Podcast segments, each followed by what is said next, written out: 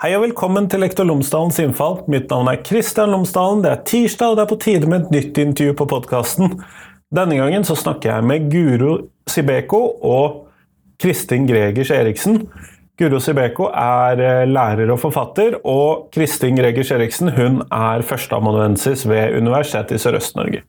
Og de har sammen skrevet en antologiartikkel om rasisme i skolen, så vi skal rett og slett snakke om det og bruke tiden på å finne ut hvordan vi skal forstå rasisme, hvordan vi skal jobbe med rasisme, hvordan rasisme er et sensitivt tema i skolen, og hvordan vi skal kunne klare å håndtere dette på en best mulig måte. Både i skolen, men også som tema for undervisning i skolen. Og her tror jeg vi må være passelig med hvilke preposisjoner vi bruker, og jeg tror det er preposisjoner som er riktig ord. Men det er i hvert fall dagens episode. Ellers, podkasten er, som jeg fortalte sist gang, nå sponset av Fagbokforlaget. Og Fagbokforlaget utgir bøker og digitale læremidler for hele utdanningsløpet. Fra barnehage til høyere utdanning og profesjonsstudier, samt for norsk for minoritetsspråklige.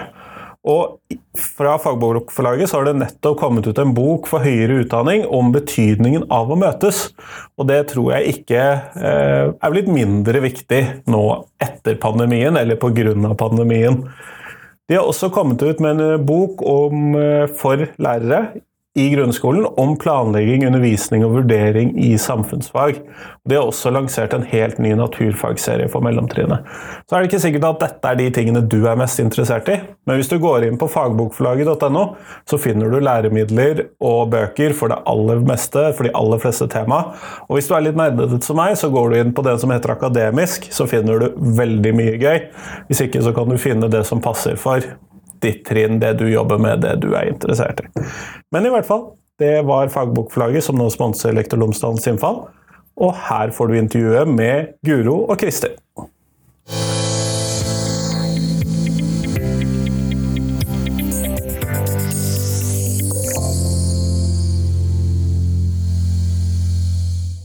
Kristin og Guro, tusen takk for at dere har tatt dere tid til meg i dag. Veldig hyggelig å bli invitert. Tusen takk. Før vi kommer oss sånn helt i gang, så hadde jeg håpet at dere kunne fortelle meg tre ting om dere selv, sånn at eh, lytterne kan få bli litt bedre kjent med dere. Og Hvis vi starter med deg, Kristin. Tre ting om deg. Ja, det første jeg vil si, er egentlig at eh, jeg er, eh, tror jeg, så vidt jeg vet, den eneste i Norge som har skrevet en doktorgrad som handler om avkolonisering i utdanning. Jeg er eh, forfatter av eh, lærebøker i samfunnsfag for barnetrinnet, Arena. Eh, og så har jeg tre barn og er den type mor som lar sønnen min skulke skolen og kjører han på aksjoner i Repparfjord og Førdefjorden, for det syns jeg er ordentlig god danning. Lange bilturer da, hørte jeg. Ja, han måtte nok fly, det må jeg avsløre, da, selv om han ikke liker å snakke om det, til eh, Repparfjord i, i Finnmark. Ja. Det er greit å fly så lenge det er til Finnmark. Guro, tre ting om deg. Eh, ja, jeg eh, er aktivist. Det er jo egentlig det viktigste. På mange ulike områder. Jeg er forfatter. Og har skrevet både skjønnlitteratur og sakprosa og fag litteratur for både barn og voksne i løpet av de siste ti åra. Altså er jeg også mor, eh, men min sønn vil absolutt ikke ligge i teltleir og gjøre sånne kule, bra ting som sønnen til Kristin vil. Han er bare sånn streber, så når jeg kjører han over fjellet, så er det for at han skal gå på sånn eliteskole på Vestlandet. Så mislykka er jeg som mor. Det var jo også en måte å se det på. Eh, vi skal jo snakke om nå om eh, rasisme i undervisning eller som tema i skolen eller fenomen i skolen. Jeg er litt usikker på hvordan jeg skal angripe dette, men eh, hvis vi skal starte litt sånn vidt, hvordan, eh, hvordan bør vi se på rasisme og antirasisme i skolen? Hvis det spørsmålet gir mening. Ja, jeg tenkte at du eh, var eh, veldig inne på det når du, egentlig, når du sa rasisme som tema og fenomen. Eh, fordi at det nettopp er det det er, og det betyr jo at på en måte hvordan vi kan tenke på undervisningen, skolens rolle til å motarbeide rasisme, den må handle om både tema, altså innholdet i undervisninga, og hvordan skolen som organisasjon jobber med eller mot rasisme. Hvordan læreren jobber relasjonelt osv. Så, videre. så jeg syns egentlig det var veldig et godt utgangspunkt, da. også for hvordan jeg og jeg og Guro har skrevet en tekst sammen i en lærebok for, for lærerutdanning og lærere som heter 'Kontroversielle, emosjonelle og sensitive tema i skolen', der vi skriver om, om antirasistisk undervisning. Og Det er akkurat det her vi starter med. Det her med at det må skje på flere nivåer. Da. Mm. Det er jo noe med at eh, elevene er mye mer opptatt av det eksempelet man setter, enn av eh, de tingene man sier i undervisningen. Eh, og elevene opplever jo at skolen er det stedet de opplever mest rasisme. Og hvis skolen ikke klarer å forholde seg til det, eh, og jobbe antirasistisk i egen organisasjon, i eget klasserom, så hjelper det jo veldig lite at man står og sier at rasisme er dumt og fælt og sånn. Ja, så sånn at det, det, handler kanskje mindre om selve den undervisningen vi legger opp til, men mer om hvordan eh, lærere og elever er mot hverandre og samhandler eh, hver eneste dag, da? Nei, det handler om begge deler. Uh, definitivt. Uh, det er ikke sånn at elevene har for mye kvalitetsundervisning om rasisme. Uh, men du må faktisk bygge opp under det du sier med praksisen din. Og så bør man jo ha mer god kvalitetsundervisning om rasisme. Ja, jeg tenker liksom at så vi også skriver i denne teksten, så må jo på en måte liksom, Bunnlinja for god antirasistisk undervisning må på en måte være det at ingen skal utsettes for rasisme så langt det går da, i den undervisningen. og det må på en måte ligge til grunn. men så vil jeg jo likevel si, på en måte basert på også det jeg har jobba med i egen forskning, blant annet, som er veldig sånn retta mot kunnskapsproduksjon, hva slags fortellinger om Norge, om historie, eh, om samfunn osv. Eh, at den biten er utrolig viktig. Det man har sett i forskning, er jo på en måte at når man snakker om rasisme i norske klasserom, så gjør man det på måter som knytter det til på en måte eh, kontekster som er langt borte, eller liksom ekskluderer det fra norsk selvforståelse. Fordi at norske selvforståelsen har jo veldig lenge vært litt sånn at ja, men det er ikke så relevant her, det er noe som skjer andre steder, andre tider. Eh, holocaust, apartheid, ikke sant. Eh, fornorskingspolitikken er vi i grunnen ferdig med. Eh, så jeg tenker at den biten der er det, er det, rett og slett en vei å gå.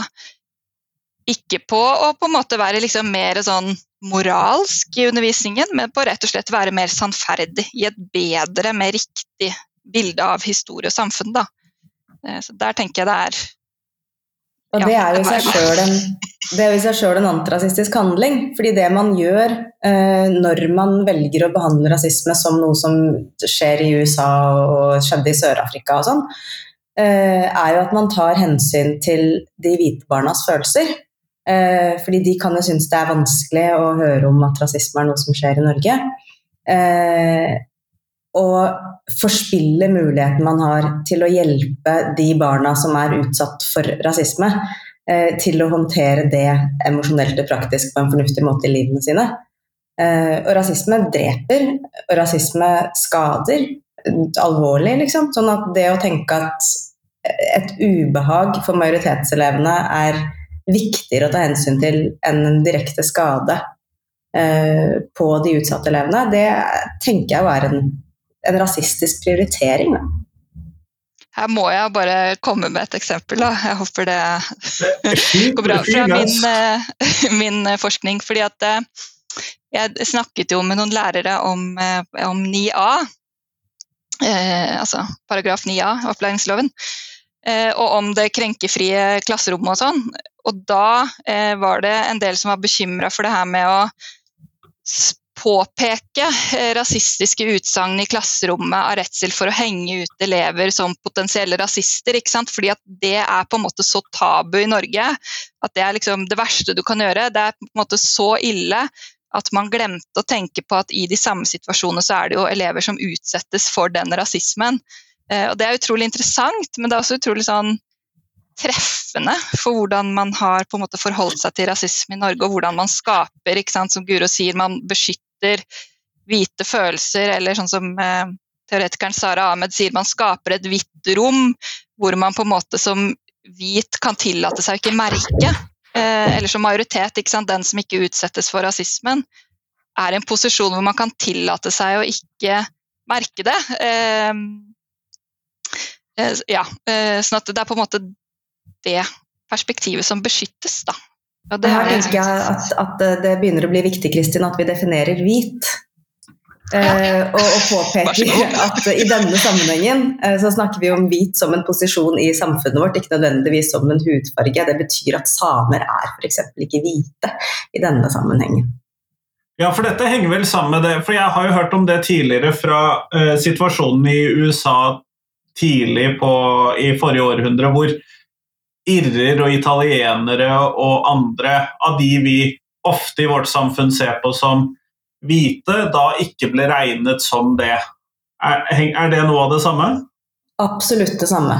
Når vi snakker om hvithet som, eh, altså som posisjon, så er det ikke sånn at man nødvendigvis eh, må være akkurat passe bleik og lysrosa for å få den posisjonen. Og det er heller ikke sånn at man er garantert den posisjonen fordi at man har den hudfargen. på en måte.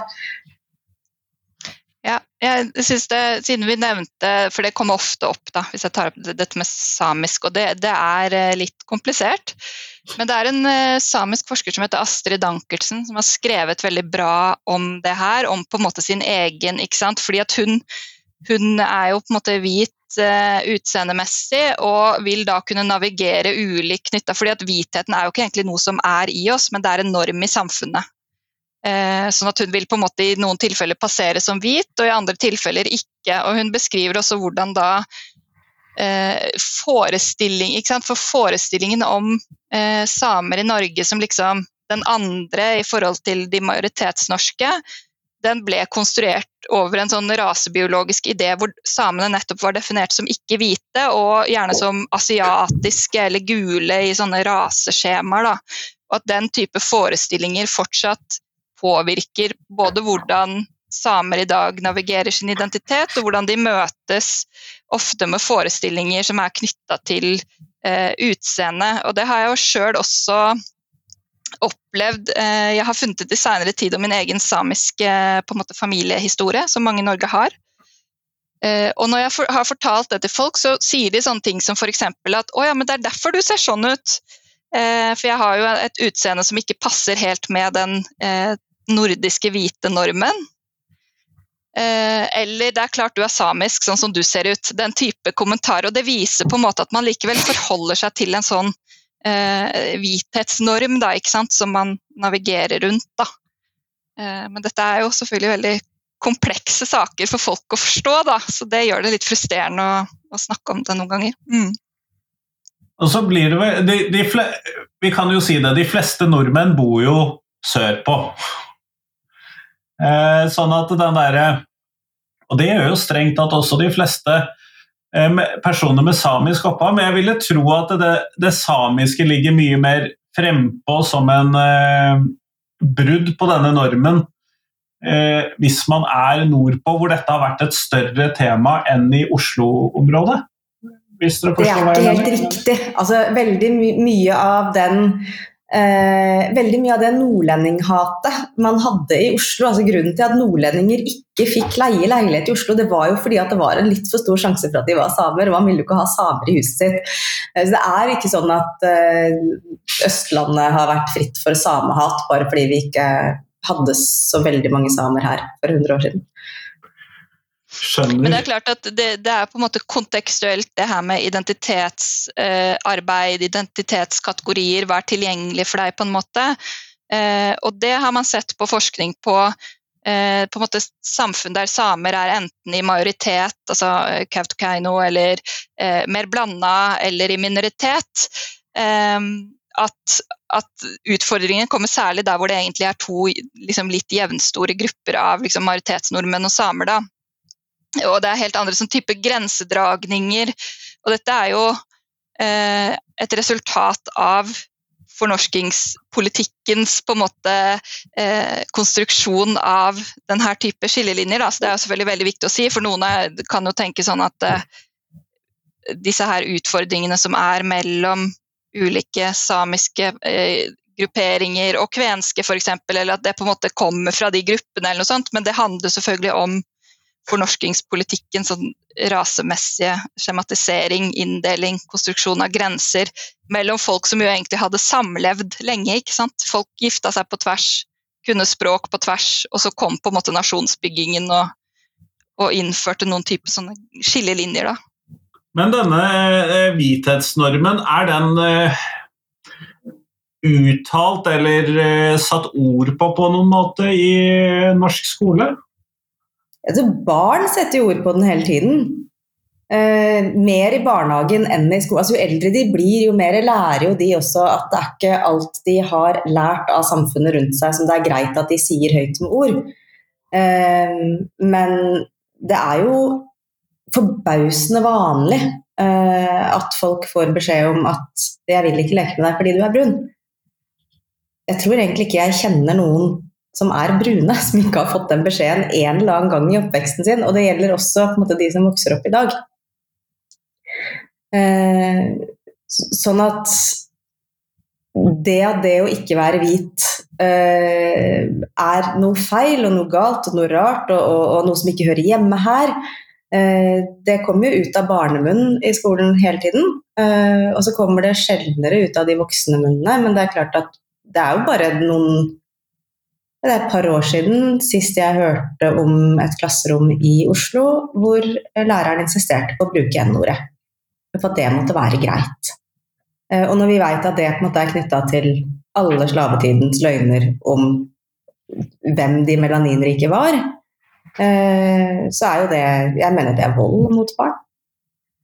Jeg tenker at uh, for å gå til forskningen, da, så er det veldig tydelig f.eks. gjennom måten liksom, diskurser om eh, mangfold eh, på en måte konstrueres, hvor på en måte det er eh, implisitt at mangfoldet representeres av kropper som ikke er hvite. på en måte. Alle vet på en måte det, og så bruker man mangfold fordi det på en eller annen måte liksom mer sånn oppleves som et nøytralt ord, men det det gjør, er jo på en måte nettopp å forsøke å skjule denne hvithetsnormen. Hvem er det som eh, på en måte har rase eller har eh, kultur eller eh, osv. Det er jo på en måte ikke-hvite kropper. Eh, I min eh, forskning, eh, i samtale med barn på mellomtrinn, så var det veldig interessant hvordan de var veldig engstelige for å bruke begreper som Eller si at noen er brun eller svart, eller at de på en måte De hadde et ubehag rundt det. Eh, og da er det jo et eller annet med at de har internalisert det der med at det å være brun eller svart, det er ikke bra. Eh, men de skjønner ikke helt hvorfor, ikke hvorfor det her ubehaget oppstår. Eh, for det er jo ikke galt i seg selv å snakke om at vi har ulike hudfarger, f.eks., men det handler jo på en måte om det å koble det igjen til andre typer forestillinger om menneskers verdi osv. Men det at et, eller at muslim også fremsto som et sånt for mange et sånt stygt ord. Det var det noen elever som sa helt eksplisitt at vi tør ikke å si muslim fordi det er et stygt ord. Så det sier noe om, eh, ja, om, om den eh, umarkerte hvitheten og de her andre kategoriene som på en måte viser fram mangfold og får lov til å liksom Eller som er det som representerer mangfoldet, da. Men en, et ord som jeg ofte har hørt i forbindelse med hvordan mennesker, eh, majoritetsnordmenn, forholder seg til hudfarge og sli, slikt, er jo dette begrepet om fargeblindhet. Eh, og jeg oppfatter vel ut ifra hva dere har sagt, at dere potensielt er en smule kritisk til denne inngangen til eh, temaet. Altså, det, er jo, det er jo løgnaktig. Eh, jeg syns det er fascinerende at folk kan tro at Særlig at majoritetsnordmenn kan tro at de er fargeblinde. Eh, fordi jeg er ikke fargeblind. Altså, jeg ser eh, hva slags rasekategori folk havner i, og jeg vet hvilke fordommer som er knytta til det. Og jeg reagerer rent fysisk ut ifra de fordommene. Som betyr f.eks. at selv om jeg, jeg veit at uh, det er mye større sjanse for at en hvit guttegjeng enn en melaninrik guttegjeng er fulle og dermed farlige, og guttegjenger er nesten aldri farlige, er du redd for overgrep, så skjer de nesten alltid hjemme hos noen, og de begås av noen du stolte på, det kan til og med være en dame. Altså, jeg veit alle de tinga, jeg er ikke idiot, men likevel så begynner hjertet mitt å slå fortere når jeg går forbi en melaninrik guttegjeng. Fordi kroppen min reagerer ut ifra en hel masse forestillinger som, som, jeg aldri har bedt om å få presentert for meg, men som jeg har fått så mange ganger. Jeg har sett den filmen, jeg har lest den boka, jeg har sett den serien. I got the message. Og når jeg måte, merker det i meg, som, som, har melaninrik far og melaninrike brødre og melaninrike tantebarn og, og masse melaninrike guttevenner, så skjønner jeg liksom ikke hvordan hvite folk kan gå rundt og tenke at de har gått fri at all, alle de signalene de har vokst opp med og sett gjennom hele livet sitt, liksom ikke har påvirka dem. For vi lever jo ikke i et vakuum, noen av oss. Og her er vi litt tilbake til noe av det Kristin snakka om i stad. Det at, liksom, eh, at, man kan ikke beskylde barn for å være rasist, for det er jo det verste man kan si om noen. Eh, og det tenker jeg er ekstremt viktig at vi kommer bort ifra. Det er ikke det verste i verden å være rasist. Altså, det er å være menneske det, i, i den virkeligheten vi lever i, i det samfunnet vi er vokst opp i. Og det er ikke vi som har skapt det samfunnet. Vi, altså, vi må alle liksom få en viss sånn eh, lov til å unnskylde oss litt med at disse fordommene og disse tankene og disse forestillingene, de har vi ikke valgt å få. Eh, vi er bare folk. Og så kan vi heller tenke at hvis vi skal være gode folk, da, så må vi gjøre en innsats for å bli kvitt dem. Og den innsatsen innebærer jo å kunne se i øynene at vi er ikke fargeblinde, noen av oss. Alle ser farge. Ja, jeg tenker at uh, det Guro snakker om her Noen ganger så blir når Guro snakker sånn, så kan folk bli litt sånn Oi, eh, sier hun det? Sier hun at vi må snakke om at folk er rasister? Det, det på en måte, Også når jeg sier at jeg jobber sammen med Guro, så, så spør de meg om det der. Eh, men det som sant, er viktig der, er jo også det der at dette handler jo litt om den der berøringsangsten, tabu, som har vært rundt rasisme i Norge lenge, som gjør at vi heller ikke har, vi har ikke et språk og et vokabular. sånn at det er liksom eh, rasisme eller ikke-rasisme. Ikke vi har ikke et nyansert språk. sånn at I det som Guro snakker om nå, f.eks., så er det veldig nyttig å bruke begrepet rasialisering. At man tillegger andre eh, Leser andre inn i rasemessige kategorier basert på de sant, erfaringene man har og er utsatt for. Det, jo, det, gjør vi jo hele tiden. Og folk gjør jo også det selv på den måten at det også knytter seg til, til identiteten deres. Så jeg tenker at det her er liksom et eksempel på at vi, vi trenger også på en måte et, et, språk og begrepsapparat som tillater oss å se liksom nyansene her. At, eh, at det, det, handler om på en måte mer enn om at eh, å vurdere om en handling eller hendelse er rasisme eller ikke osv. Men det er på en måte hva er det som foregår her, hvordan påvirker på en måte det her eh, rasistiske koloniale kunnskapsarkivet som vi har måtene våre å tenke på, handle på, møte andre på. Også føle på syns jeg også er veldig viktig, som Guro sier. at det, det er ikke alltid du har intensjoner eh, som samsvarer med det du likevel erfarer at du kanskje tenker, eller ja, hvordan du, du forstår andre mennesker da. Men mm. hvis vi da, fordi at nå har jo dere da tegnet opp et uh, ganske tydelig bilde av hva skal vi kalle det, den virkeligheten som skolen eksisterer i. Og i stad så skilte jo du, Guro, på dette med eh, hvordan undervisningen var, og hvilke holdninger vi eh, viste fram i vårt daglige virke, sånn utenom undervisningsoppleggene. Eh, og at begge de to hang for så vidt sammen. Eh, ikke bare utenom undervisningsoppleggene, men utenom undervisningsoppleggene som eksplisitt dreier seg om rasisme. Altså Hvordan ja. du legger opp undervisning som ikke handler om rasisme, eh, er også en del av de signalene du sender ut om hvorvidt du faktisk er antirasist og driver antirasistisk praksis. Ja, og da var jo det spørsmålet mitt, for hva er en antirasistisk undervisning? Nei, det har vi jo skrevet et helt kapittel om, da. Vi vi leser det opp? Ikke sant? Ja, nei, men vi skriver jo bl.a. en del om det her med, med innhold i undervisning, kunnskapsproduksjon. Eh, og jeg tenker at Et eksempel man kan gå til som er på en måte for så vidt kobla på den eksplisitte tematikken, men samtidig også ikke helt, er hvordan man underviser om eh, samisk historie i norske skoler. Hvor man fra å kanskje ikke snakke om det, jo faktisk snakker om fornorskingspolitikk f.eks. For men så er det kanskje det man snakker om da, når man snakker om samisk historie. Og så gjør man det gjerne fra perspektivet til det norske majoritetssamfunnet og den norske staten. Hvorfor gjorde staten som den gjorde, og hva var denne nasjonsbyggingen og sånn? Og så glemmer man å snakke om f.eks. de viktige bidragene eh, samiske historiske personer har gitt til antirasisme i Norge. Sånn som Elsa Laula Renberg, f.eks., som er kvinnen bak første samiske landsmøte. Som hadde liksom veldig sånne eh, hva skal jeg si, nyskapende antirasistiske tanker på begynnelsen av 1900-tallet. Eh, hvor mange har hørt om, om eh, eh, Per Fugstad, som hadde veldig på en måte sånn nyskapende ideer om flerkulturell pedagogikk, eh, flerspråklighet osv. Også tidlig 1900-tall f.eks. Eh, det snakker vi ikke om. på en måte. Vi snakker på en måte litt om sånn, ja, men de stakkars samene var utsatt for dette. Eh, så det er på en måte også en måte hvor man selv om man mener godt, så viderefører man jo likevel en sånn type andregjøring og fremstilling av på en måte samer som passive ofre osv.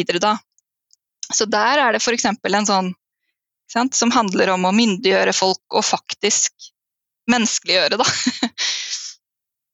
Og det gjelder jo undervisningen om de aller fleste andre rasialiserte også. ikke sant? At du får en sånn 'stakkars dem'. Uh, vi har vært slemme med dem, nå må vi være snille med dem. Uh, og, det blir en veldig vi og dem, uh, og det blir en veldig stakkarsliggjøring. og det at man f.eks. kan undervise eh, slavehandelen eh, med fullt fokus på eh, hvor skipene gikk, og hvem som jobba der, og hvem som eide hvilken øy. Eh, og så har man ikke engang vært innom Harriet Tubman. Eh, eller andre type frigjøringshelter og folk som altså, kjempespennende fortellinger for barn å høre om, eh, og kjempeviktig historie. Altså, det var ikke sånn at det var hvite eh, journalister i eh, London som fikk slutt på slavehandelen, på en måte. Det Kristin snakker om som, som, gjelder det samiske, gjelder også alle de nasjonale minoritetene, og det gjelder alle andre folk i verden. Ja, og det, det, det, gjelder jo på en måte Altså, de eh, hva skal jeg si, rasemessige hierarkiene som på en måte blei eh, konstruert og innført med, den, eh, med på en måte rasismen, da, rasismens idéhistorie, på en måte, de er liksom eh, De er utrolig like. De, som svart eh, kvinne så møter man på en måte mange av de samme fordommene, eh, seksualiserende, demoniserende kommentarene som på en måte lå i det eh, skjema, ikke sant? eller det på en måte den tenkemåten. Og sånn sett så, så, kan man jo se det i undervisningen også, at i den grad eh, svarte og brune kropper er til stede, så er det jo stort sett alltid som ikke navngitte eh, personer uten aktørskap i det globale sør som blir hjulpet av nord, da, for å sette på spissen. Eh, og Et sånn konkret eksempel er f.eks. hvordan man snakker om slavehandel, og så bruker man liksom Man snakker om slavene, man snakker ikke om afrikanere. ikke sant? Det er ikke navngitte personer med liv og drømmer osv. Det er liksom, det er slavene. eh, og den type retorikk også bidrar jo til eh, å videreføre en dehumanisering og det blir vanskelig for elever også ikke sant, å kjenne seg igjen og relatere seg til osv. med den typen eh, retorikk. Mm. Men når man da skal ta opp dette her i undervisningen, er det ikke en viss fare for at det kan bli ganske hva skal vi kalle det, betent stemning i klasserommet? Også med tanke på at boka som dere har vært med å skrive en tekst i, handler nettopp om kontroversielle, sensitive og emosjonelle temaer. Altså, vi starter med å si at rasisme er ikke det minste kontroversielt, egentlig. Eh, sånn at det har jo ingenting i denne boka å gjøre, men det er der fordi vi vet at lærere kvier seg. Eh, jeg er vel kanskje det mennesket i Norge som har snakka om rasisme i flest klasserom. Eh, for jeg reiser rundt med Den kulturelle skolesekken. og snakker til ungdomsskoleelever og videregående skoleelever om rasisme. Og jeg har vel én gang opplevd at det blei litt betent stemning i klasserommet. Eh, og da måtte jeg gå til læreren etterpå og så måtte jeg si at det satt en gutt midt i det rommet som jeg er bekymra for. Det, det, skjedde et eller annet. Jeg vet ikke om det hadde med temaet å gjøre, eller om det var noe annet, men, men noe var veldig dårlig. Eh, og resten av klassen opplevde at noe var veldig dårlig, og så fikk jeg beskjed om at ja, her har vi her er PST inne i bildet. Uh, og det, det, er klart at uh, hvis du har elever uh, som PST er bekymra for at er ekstremister på høyresiden, på en måte, så kan det jo hende at du at, at, det blir betent. Men min erfaring er jo ellers at hvis man veit hva man snakker om, hvis man har kompetanse i det temaet man skal behandle, og hvis elevene kan lene seg tilbake og være litt trygge på at du har det, du passer på det, du sørger for at dette rommet ikke liksom sklir ut i, et eller annet, eh, så er de skikkelig takknemlige for å få lov til å snakke om rasisme. De er skikkelig takknemlige for å få lov til å lære om rasisme. De er kjempeglade for å få ord til å snakke om rasisme. Eh, jeg får sånne tilbakemeldinger som 'jeg har aldri snakka om rasisme før'. Eh, jeg har en bestemor jeg trenger å snakke om rasisme med, og nå har jeg ordene til å gjøre det, så det gleder jeg meg til å gjøre i helga. Altså, det er litt sånn hjerteskjærende, syns jeg, da, eh, at disse ungene har blitt såpass store med dette behovet som de går rundt og kjenner på. Eh, og så er det ingen som har hjulpet dem å gi dem språket og gi dem kunnskapene. Ja, jeg blir så ja, Guro er jo en fantastisk formidler på det her, så jeg tenker bare send, send Guro rundt, så er mye gjort. Nei da. Men, eh, men eh, blir, når, du sier, ikke sant, Kristian, eh, at jeg blir ikke betent, og det sier folk ofte med det her når man kommer med, med og snakker om dette temaet. Hvorfor må det være så vanskelig? og og så, videre. og så tenker jeg veldig bra hvis du tenker at det er vanskelig, da har du på en måte kommet til et refleksjonsnivå der man bør være når man snakker om rasisme. At man har eh, aksepterer og har forståelse for at sant, det at folk blir dehumanisert, de blir drept, eh, eh, fratatt eh, muligheter og menneskelighet, det er jo selvfølgelig veldig, veldig vanskelig. Det er, det er jo på en måte å, å, å, påstå at det er på en måte uten emosjoner og ubehag og utfordringer, det vil jo være å overse på en måte hva det handler om. Eh, men her fikk jeg også lyst til å dele et uh, eksempel som er litt relatert til det Guro sier om at uh, folk er i grunnen klare for å prate om det, og de må ha tid, ikke sant? man må kunne sakene sine. Uh, jeg ble invitert til å snakke om rasisme på et, en, en, studieretning på universitetet vårt, på et annet fakultet. Eh, og dette var på en måte et initiativ fra studentene, for de opplevde at de ikke hadde noe om rasisme. Dette var noe som friluftslivsstudier. Eh, så de inviterte en del forskere og, og, ville snakke om dette, og de inviterte også en del av de ansatte eh, i denne utdanninga. Og i starten så var det veldig mye motstand fra de ansatte. De syntes dette var unødvendig, det var politisk korrekt, de lager problemer der det ikke er problemer, osv. Men så endte det med at en del av disse, disse ansatte også kom. Og etter dette seminaret, hvor vi da var, var vel fire-fem forskere, aktivister, ulike personer som holdt innlegg, og vi hadde diskusjoner, så var på en måte alle disse ansatte for sånn, ja, de var så glad for at denne samtalen var tatt, og klart de var enig i disse tingene og ville snakke mer om disse tingene og tenkte at det var viktig for dem. Og da, Det eneste som hadde skjedd da, var at man faktisk hadde tatt seg tiden til å på en måte lytte litt, gå inn i det, åpne seg for eh, at det kanskje er ting man ikke visste så mye om fra før for mange.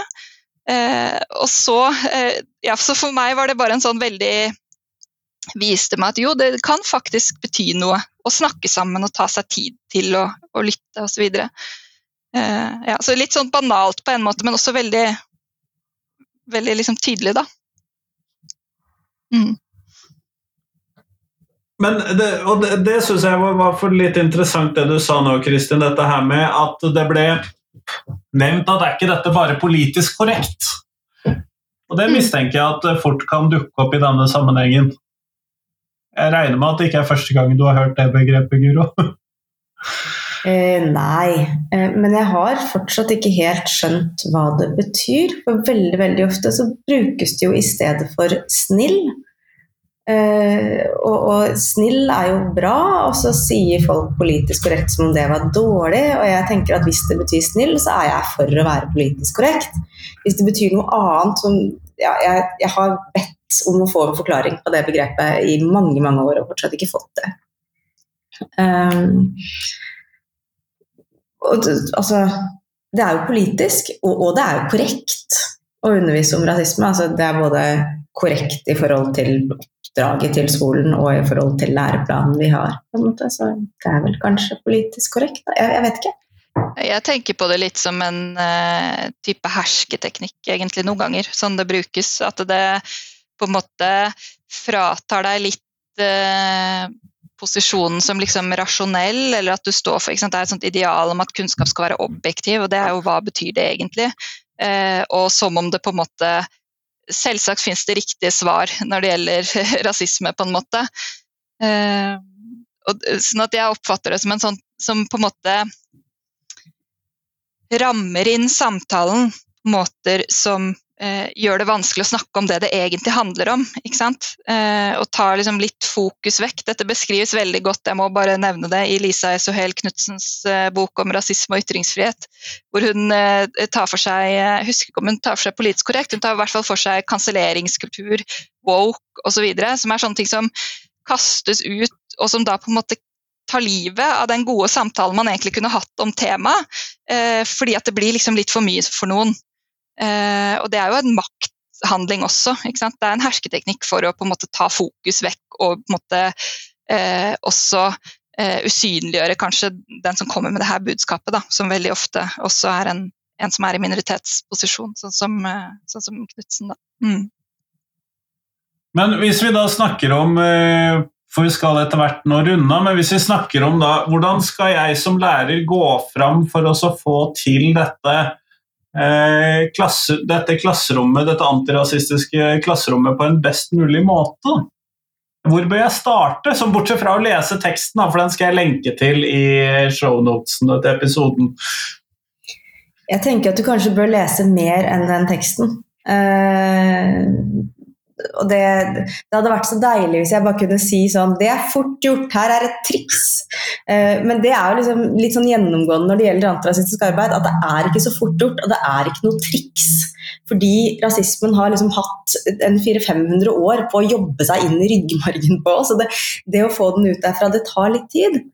Uh, men heldigvis er det på en måte mye variert materiale. Da. Det er jo mye god forskning. Uh, det er også uh, mye altså Den type bøker som Lisa Esuel Knutsen sin, 'Min egen rasismens poetikk', uh, mener jeg jo er en slags rasisme 101 uh, på norsk. og det er norsk rasisme det handler om. og så er det masse gode TV-serier der ute etter hvert. også sånn Kos deg med Colin in Black and White, f.eks. Eh, som er en amerikansk, veldig amerikansk serie, for den handler om en sånn quarterback, og det er jo litt sånn unorsk. Eh, men sånn, hvis vi bare kan liksom ta vekk hvilken sport det er han driver med, eh, så er alle situasjonene er jo fullstendig gjenkjennelige eh, for meg i Norge. Så det er også en sånn type ting som kan eh, kan gi et sånn innblikk og bilde av hva dette handler om for elevene dine. Og så tenker jeg at Den forskningen som finnes om rasisme i skolen, altså om hvordan skolen reproduserer rasisme, hvordan lærere eh, utøver rasisme uten å mene det, uten å ville det, eh, er kjempeviktig å lese. Eh, der har jeg også et sånt eksempel som jeg pleier å fortelle eh, fra min egen yrkeskarriere. Altså, jeg er jo også lærer. Jeg bare under lønnsoppgjøret i fjor så kjente jeg at jeg orker ikke mer. Jeg eh, er lei av å bli pissa på. Så jeg ja, nå har jeg liksom sagt fra meg læreridentiteten min, ikke bare jobben. Eh, men da jeg fortsatt jobba som lærer, eh, så leste jeg en artikkel som handla om hvordan amerikanske lærere eh, i et sånt forsøk da, eh, skulle lete etter problematferd, og så fikk de liksom fire barn å se på. Det var to gutter og to jenter, og det var to hvite og det var to svarte. Og det var den svarte gutten de så på kontinuerlig. De visste jo ikke at det var det som ble undersøkt. Da. Eh, de trodde de ble testa på hvor gode de var til å finne bråk før det skjedde. Eh, og så satt jeg og tenkte at gud, så glad jeg er for at jeg ikke gjør det. Så går jeg på jobb kanskje en uke etterpå, og så kommer jeg inn i et ukjent klasserom med ukjente barn som har vikar, og den stakkars vikaren er eh, ødelagt og overrumpla eh, og står i et hjørne og ber om fred. Eh, så jeg bytter klasse med vikaren og tar over denne fremmede klassen, og så tar jeg meg sjøl i å gjøre akkurat det samme. Hva gjør jeg når jeg har et klasserom som er i opprør, og skal liksom få dem til å sette seg på plassen sin og oppføre seg som folk? Jeg ser på de melaninrike guttene, og jo mer melanin de har i huden, jo hardere ser jeg på dem. Mens de blonde, lyse jentene de slipper unna med alt. Og det er først når jeg liksom, Fordi jeg hadde lest den artikkelen, at jeg kunne ta meg sjøl i å gjøre det. Jeg må jo vite at det er en greie, ikke sant? før jeg kan liksom skjønne at dette er noe jeg faktisk gjør. Eh, og så er det først når jeg har tatt meg i det, at jeg kan slutte med det. Og det er ikke gjort over natta. Da må jeg øve, da lenge. Eh, og så måtte jeg sette meg selv i sånne situasjoner hvor jeg hadde elever jeg ikke kjente. Eh, fordi mine elever var jo selvfølgelig noe annet. Eh, og så måtte jeg øve på å prøve å ta de blonde jentene i tull. Herregud, så mye tull blonde jenter driver med! Når man først liksom bare ser etter det. og herregud, så snille melaninrike gutter er hvis man bare lar dem slippe unna med ting. Eh, sånn at det å faktisk liksom benytte seg av den forskninga som er gjort på hvilke feil andre mennesker gjør, for å kunne ta seg sjøl i å gjøre de samme feila, eh, det tenker jeg var et lurt sted å begynne. Ja, Det er jo også noen veldig tydelige beskjeder fra elever eller unge, barn og unge. Eh, F.eks. i UNICEFs nye rapport om barn og unges opplevelse med rasisme. Eh, de opplever at de ikke blir tatt på alvor, at ingen vet hva de skal gjøre med det, at læreren eh, bagatelliserer det. Eh, det kjenner jeg også igjen fra min egen forskning. Det var bare tull, vi har ikke tid, han oppfører seg dårlig. Så det å på en måte faktisk følge og bruke de situasjonene og følge de opp, og på en måte tørre å se rasismen, er jo på en måte en veldig sånn tydelig beskjed fra, fra barn og unge sjøl. Og det også da å jobbe med at skolen faktisk har et, eh, et system, at man vet hva man skal gjøre hvis dette skjer. Eh, men når det gjelder innholdet i undervisningen, så pleier jeg også å nevne, sånn som Guri gjorde, det her med folks fortellinger som liksom mitt aller, aller beste tips. Og det er også fordi at det å starte med fortellinger, det gjør at Fortellinger representerer bare seg selv eller erfaringer. Eh, og det gjør at det kan invitere f.eks. hvis elever har egne erfaringer med rasisme, så er det ikke sikkert de vil eksemplifisere det eh, i undervisningen. Men dersom man eh, starter med denne type fortellinger, så kan det hende at det kobles på på en måte som er mye mer liksom, frivillig og, og, og, og, kommer av seg selv litt da, hos, hos, de elevene som, som har det. Men det er også noe som man kan engasjere seg i uten å ha erfaringer.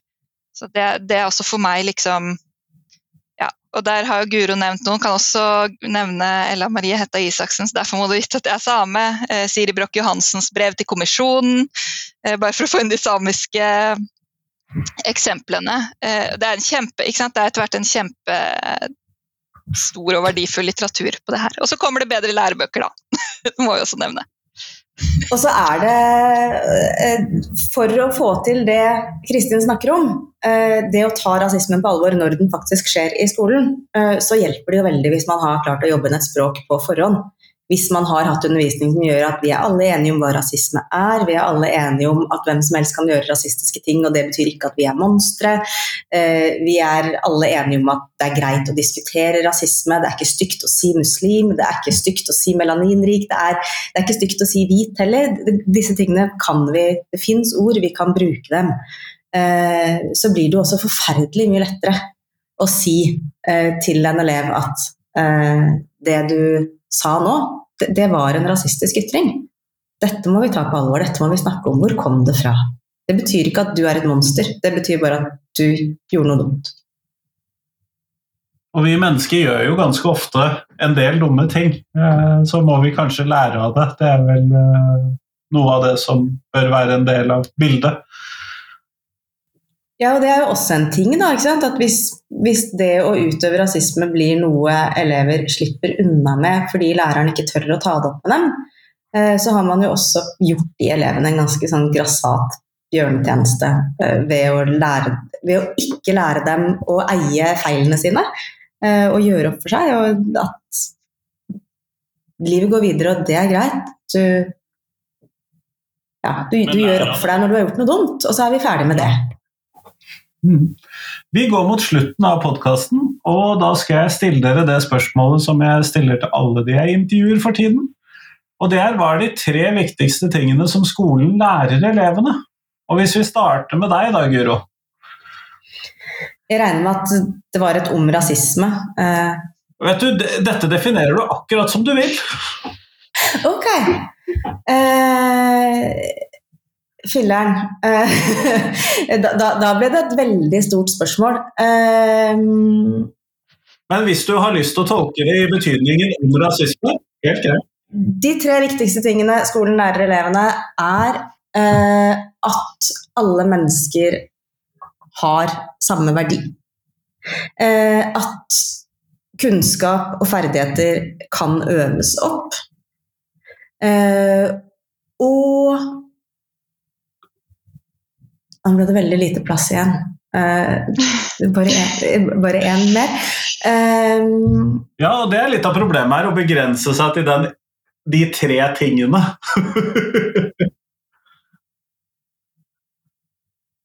Men du skal få lov til å bestemme deg litt, Guro, så kan Kristin få lov til å ta i mellomtiden. Wow, teaser. Det er jo, ikke sant? Da kan du virkelig få noe bra Nei da, på slutten der. Nei, jeg, jeg, jeg, håper jeg har gjort leksa mi. Jeg diskuterte dette med barna mine til frokost i dag. Eh, og de var faktisk veldig enige om én ting, så derfor må jeg gi den til dem. Og det er å lese, faktisk. Jeg har barn som er veldig veldig glad i å lese, har utrolig mye glede av det. Eh, både på og utenfor skolen. Så derfor så får de den.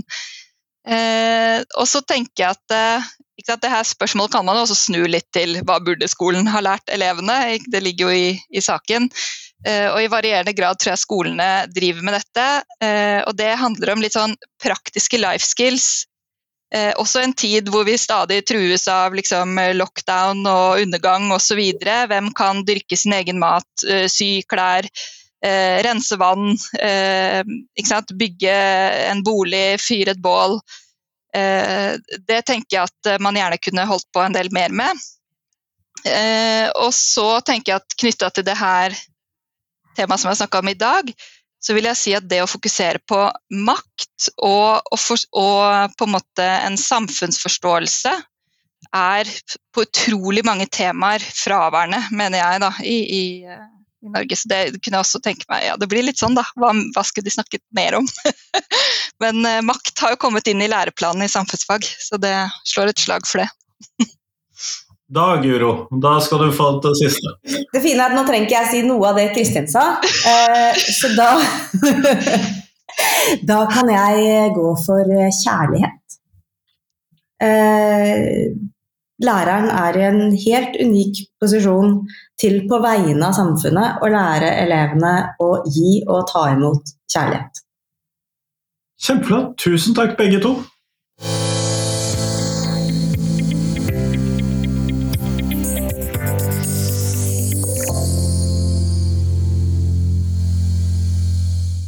Tusen takk til Guro, tusen takk til eh, Kristin, og tusen takk til deg som hørte på. Nå er det fram til fredag, så kommer det et nytt intervju på podkasten. Og det gleder jeg meg veldig til. Nå er det sånn at jeg har kjempemange gode episoder fremover. Det syns jeg i hvert fall selv. Og vi skal ikke til, Det er først i slutten av måneden at det kommer repriseepisoder. Nå kommer det helt nye intervjuer både tirsdag og fredag. I, i hvert fall i den første delen av uh, juli. Men jeg satser på at du koser deg med ferie, eller hva nå du bruker tiden din på. Og så satser jeg på at vi høres igjen, at du koser deg med podkastene mine, og at du deler dem med noen som du tror vil sette pris på dem. Det vil i hvert fall jeg sette veldig stor pris på.